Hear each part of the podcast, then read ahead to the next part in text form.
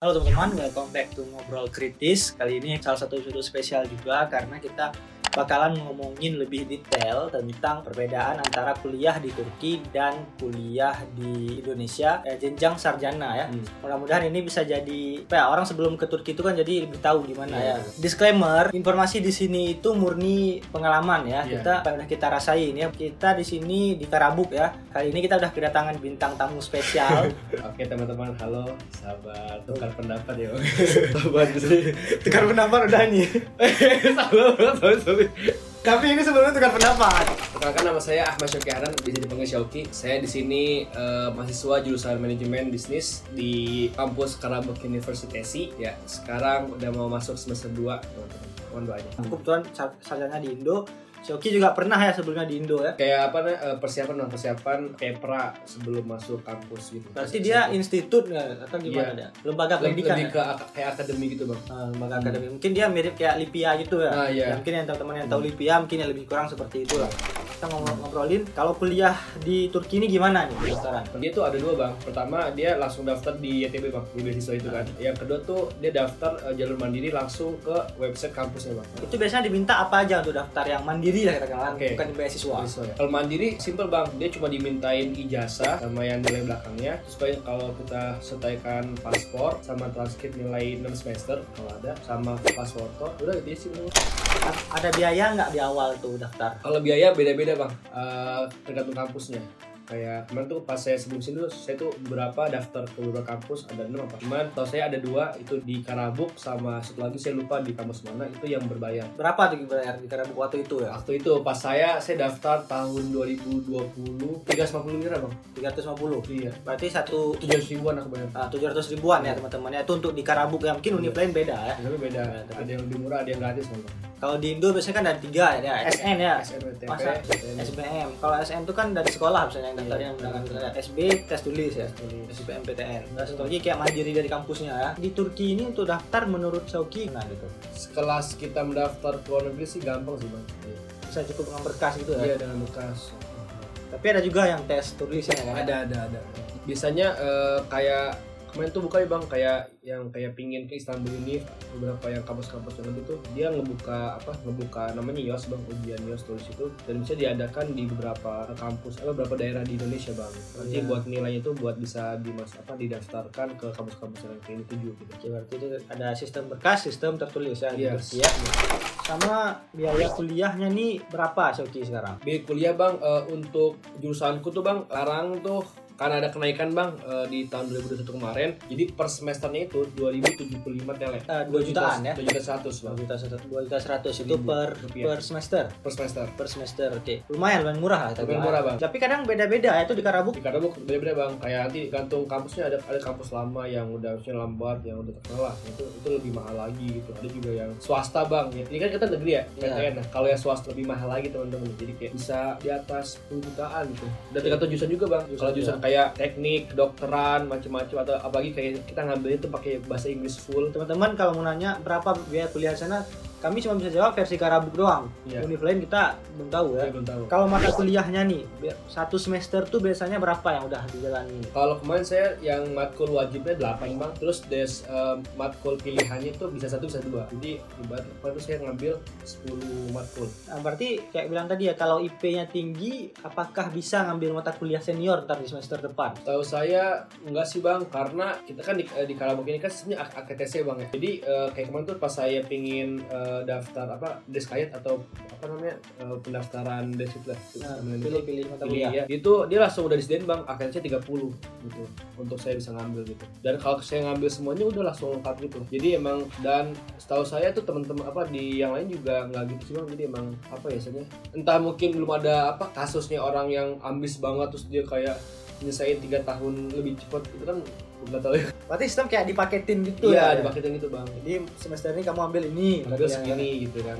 tapi kalau misalnya ada yang nggak lulus otomatis ngutang gitu kan ya Utang. Makanya kenapa di Turki itu bang kalau nggak kita lulus normal sesuai waktunya atau lambat gitu kita semester nih cuma kalda atau gak lulus dua matkul tuh bisa dikejar di yes okul ya kan summer summer Iya, school ya summer school kuliah di musim panas ya, kuliah musim panas itu. cuman bayar itu kan bayar bayar, bayar lagi mata gitu. kuliah Nah, di Indo tuh semester pendek lah Semester kan. pendek. tapi itu kan tergantung juga dibuka atau enggak mata kuliahnya ya betul betul nggak semua mata kuliah semua dibuka. kuliah dibuka ya dengan dosen gimana metode ngajar pelajaran di sini gimana yang udah dirasakan Shoki Sebenarnya kalau saya lihat dari materinya bang, saya kan karena emang semester awal itu kan kita mudah banget bang pendahuluan-pendahuluan. Cuma karena tadi kendalaan pertama kita tuh kan di bahasa bang.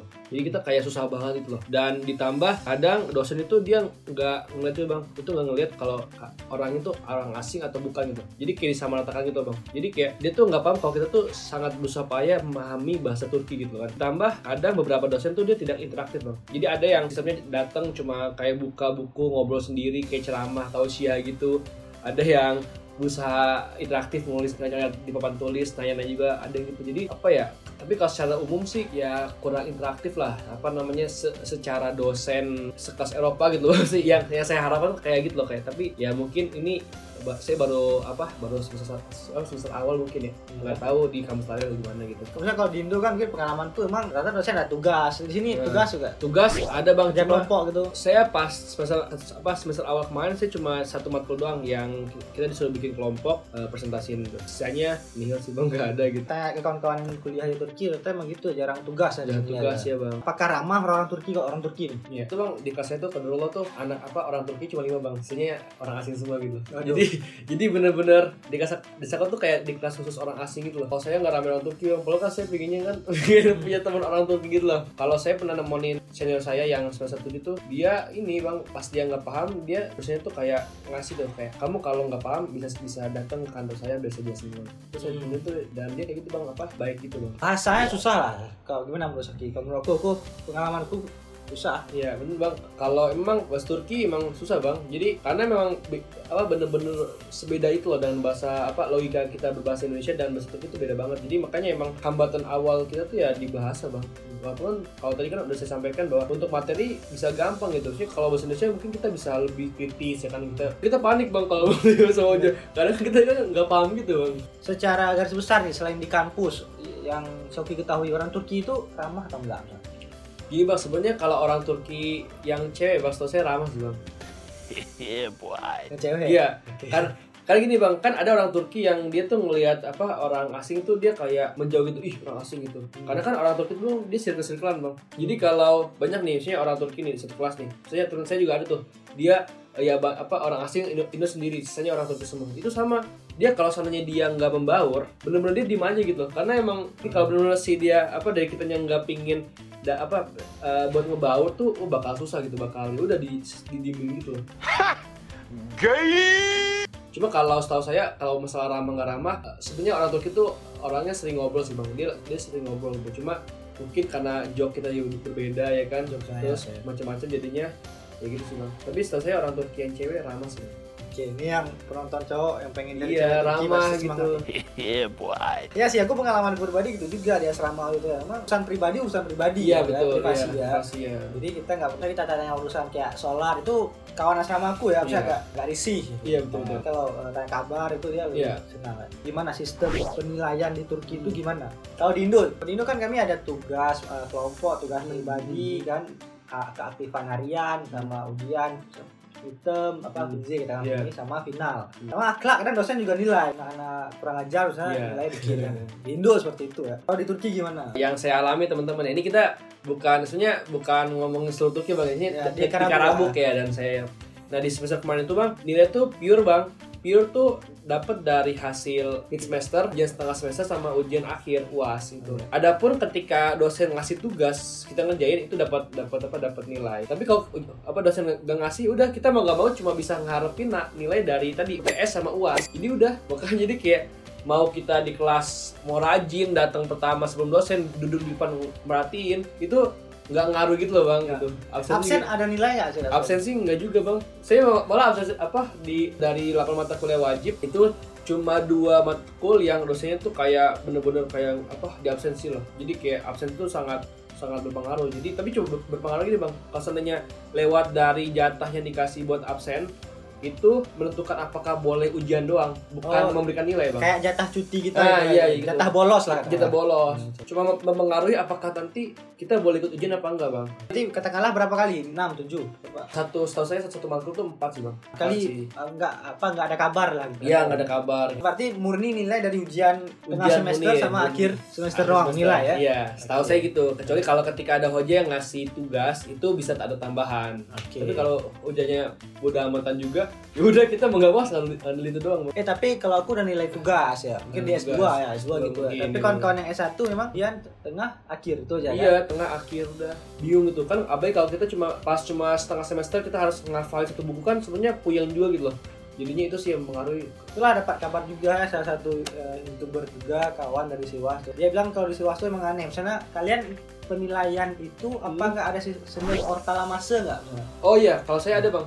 Kalau di, Bisa dijelasin nggak gimana sendiri ortalamase itu? Setelah pertama itu artinya tuh rata-rata kelas teman-teman. Jadi eh, kalau misalnya nih di matkulku tuh nih matkul A, dia kalau rata-rata kelasnya tuh misalnya ada 50 50% atau 50 itu aneh di bawah apa namanya di atas 50 juga bisa lulus gitu walaupun 50 kan kecil banget tapi karena eh, apa rata-rata kelasnya emang segitu paling tingginya jadi ya segitu dapatnya gitu dan itu bisa lulus bisa bisa gecer atau bisa lulus gitu. Itu udah berlaku berarti di jurusan Shauki ini. Iya, alhamdulillah kemarin berlaku. Makanya kemarin tuh saya ada matkul yang apa namanya hu- hukum dasar Turki itu benar-benar tadi biasanya cuma datang baca doang tuh kayak tausiah gitu. Apa namanya alhamdulillah banget saya dapatnya itu tuh 40 ya.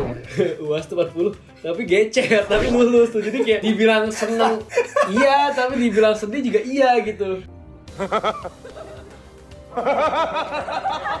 Berarti eh, rata-rata kawan-kawan di kelas tuh nggak tinggi nih. Nggak tinggi bang, karena emang gitu bang. Tadi kan karena pertama kita tuh orang asing semua, Terus yang kedua dosennya kayak gitu ngejelasinnya. Yang ketiga pelajaran juga pelajaran susah juga bang hukum gitu, pelajaran hukum apa dasar-dasar hukum Turki gitu.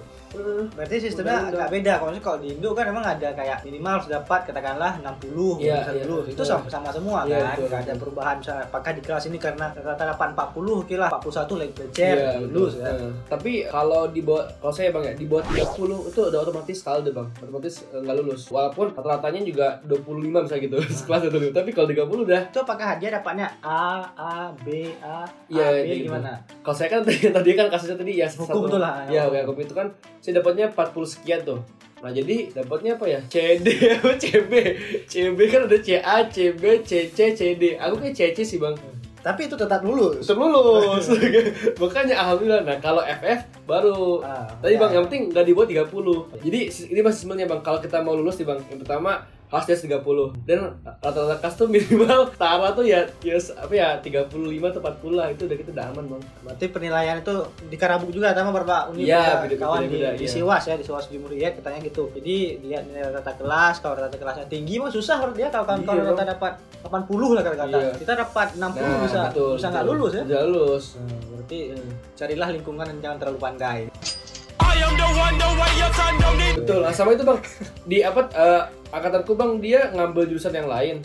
Tapi kalau dulu dia dapat sekelas itu OT semua bang, apa orang Turki semua. Jadi di pelajaran itu dia nggak lulus bapak sama juga nilainya. Rendah juga gitu. Cuma ternyata apa teman-teman lain juga ternyata kan orang, orang Turki tinggi semua. Jadinya karena tinggi dan tetap tinggi, dianya rendah jadi nggak lulus. Aduh.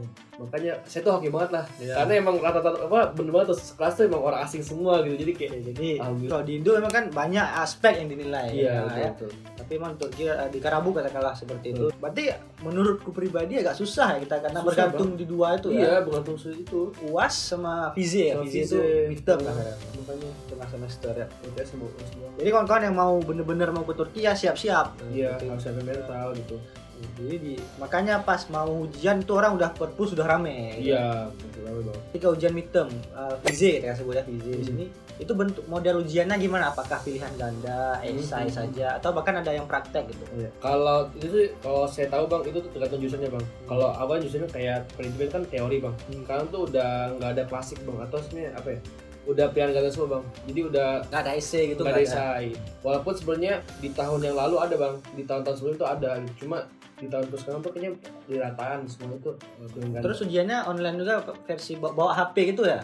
Oh iya ujian tuh online tapi di kelas. Bawa Jadi, HP sendiri Iya ya? bawa HP sendiri, bawa HP atau komputer laptop gitu. dari aplikasi itu ya? Aplikasi ya. jadi ada aplikasi khusus yang dari kampusnya kita itu buka langsung ngerjain. ini mungkin uh, gerakan unik untuk hemat kertas Iya ya. untuk ya Untuk hemat. untuk go green lah bang ya. Berarti emang rata-rata kawan juga tanya yang beberapa jurusan lain di Karabuk terutama memang banyak yang uh, pilihan ganda ya. Betul. Belanda. Gimana itu kan hitungan nilainya? Kan cuma dua nih, apakah memang 50 50, IZ 50, final 50 atau Hmm. gimana?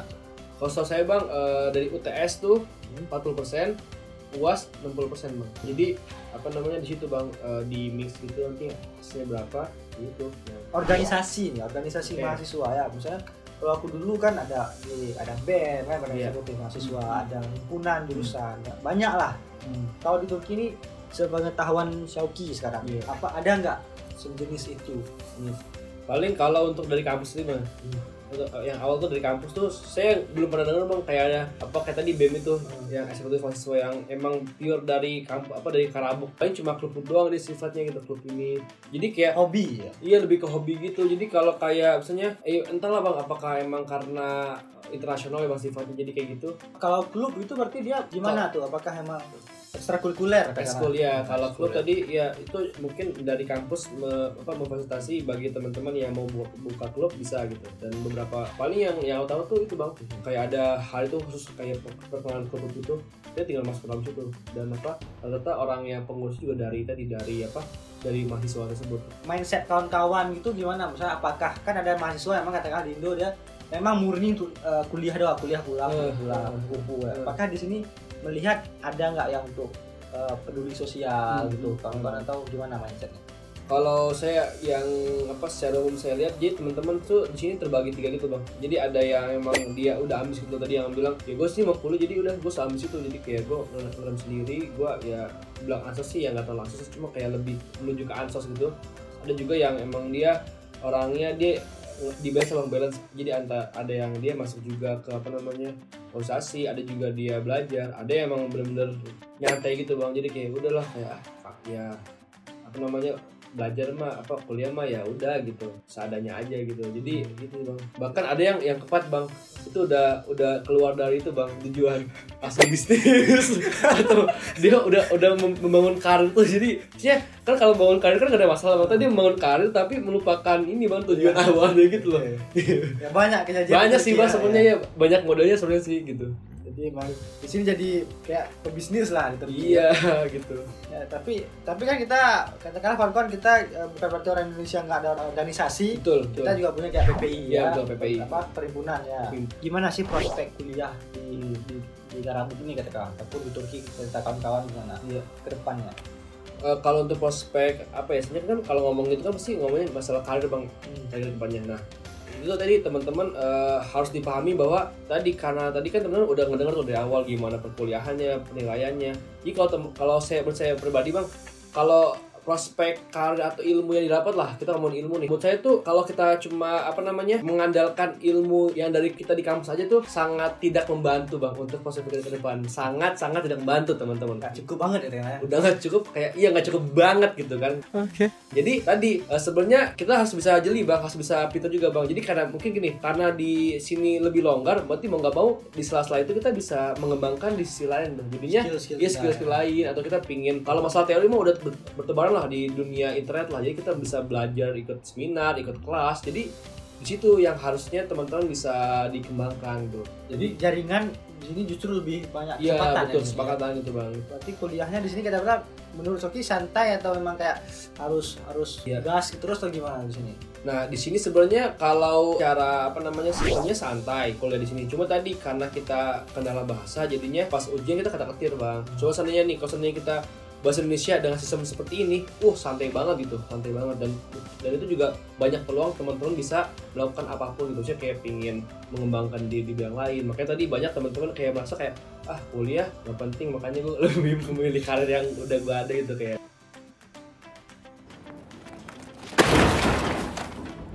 gitu jadi gitu karena tadi makanya harus bisa jadi jadi teman-teman harus bisa ngatur strategi yang tepat gitu. Ya itu ya kawan-kawan ada dapat gambaran gimana perbedaannya ya. Mungkin di Indo juga kita bersyukur karena masih pakai bahasa Indonesia betul betul. Tapi kalau untuk sistemnya mungkin lebih kompleks ya ada Kompleks, tugas dan betul, sebagainya. betul. penilaiannya juga kompleks tapi kalau di sini penilaian ya eh, rata-rata ya. Ada juga memang dosen yang menilai tugas ya. Semuanya kembali ke kawan-kawan Hmm, gimana penilaiannya. Atau lagi tesis tesis juga dibahas juga sih sama kawan kita di channel Osmanesia. Hmm. tesis itu tergantung eh, skripsi katakanlah. Hmm. ada yang ada ada yang nggak ada. Jurusan joki ada nggak? Skripsi ntar aku nggak ada bang. Tapi ada jurusan lain yang ada gitu jadi beda-beda harus jeli juga cari tahu. Sampai di sini obrolan kita thank you yang udah nonton sampai akhir.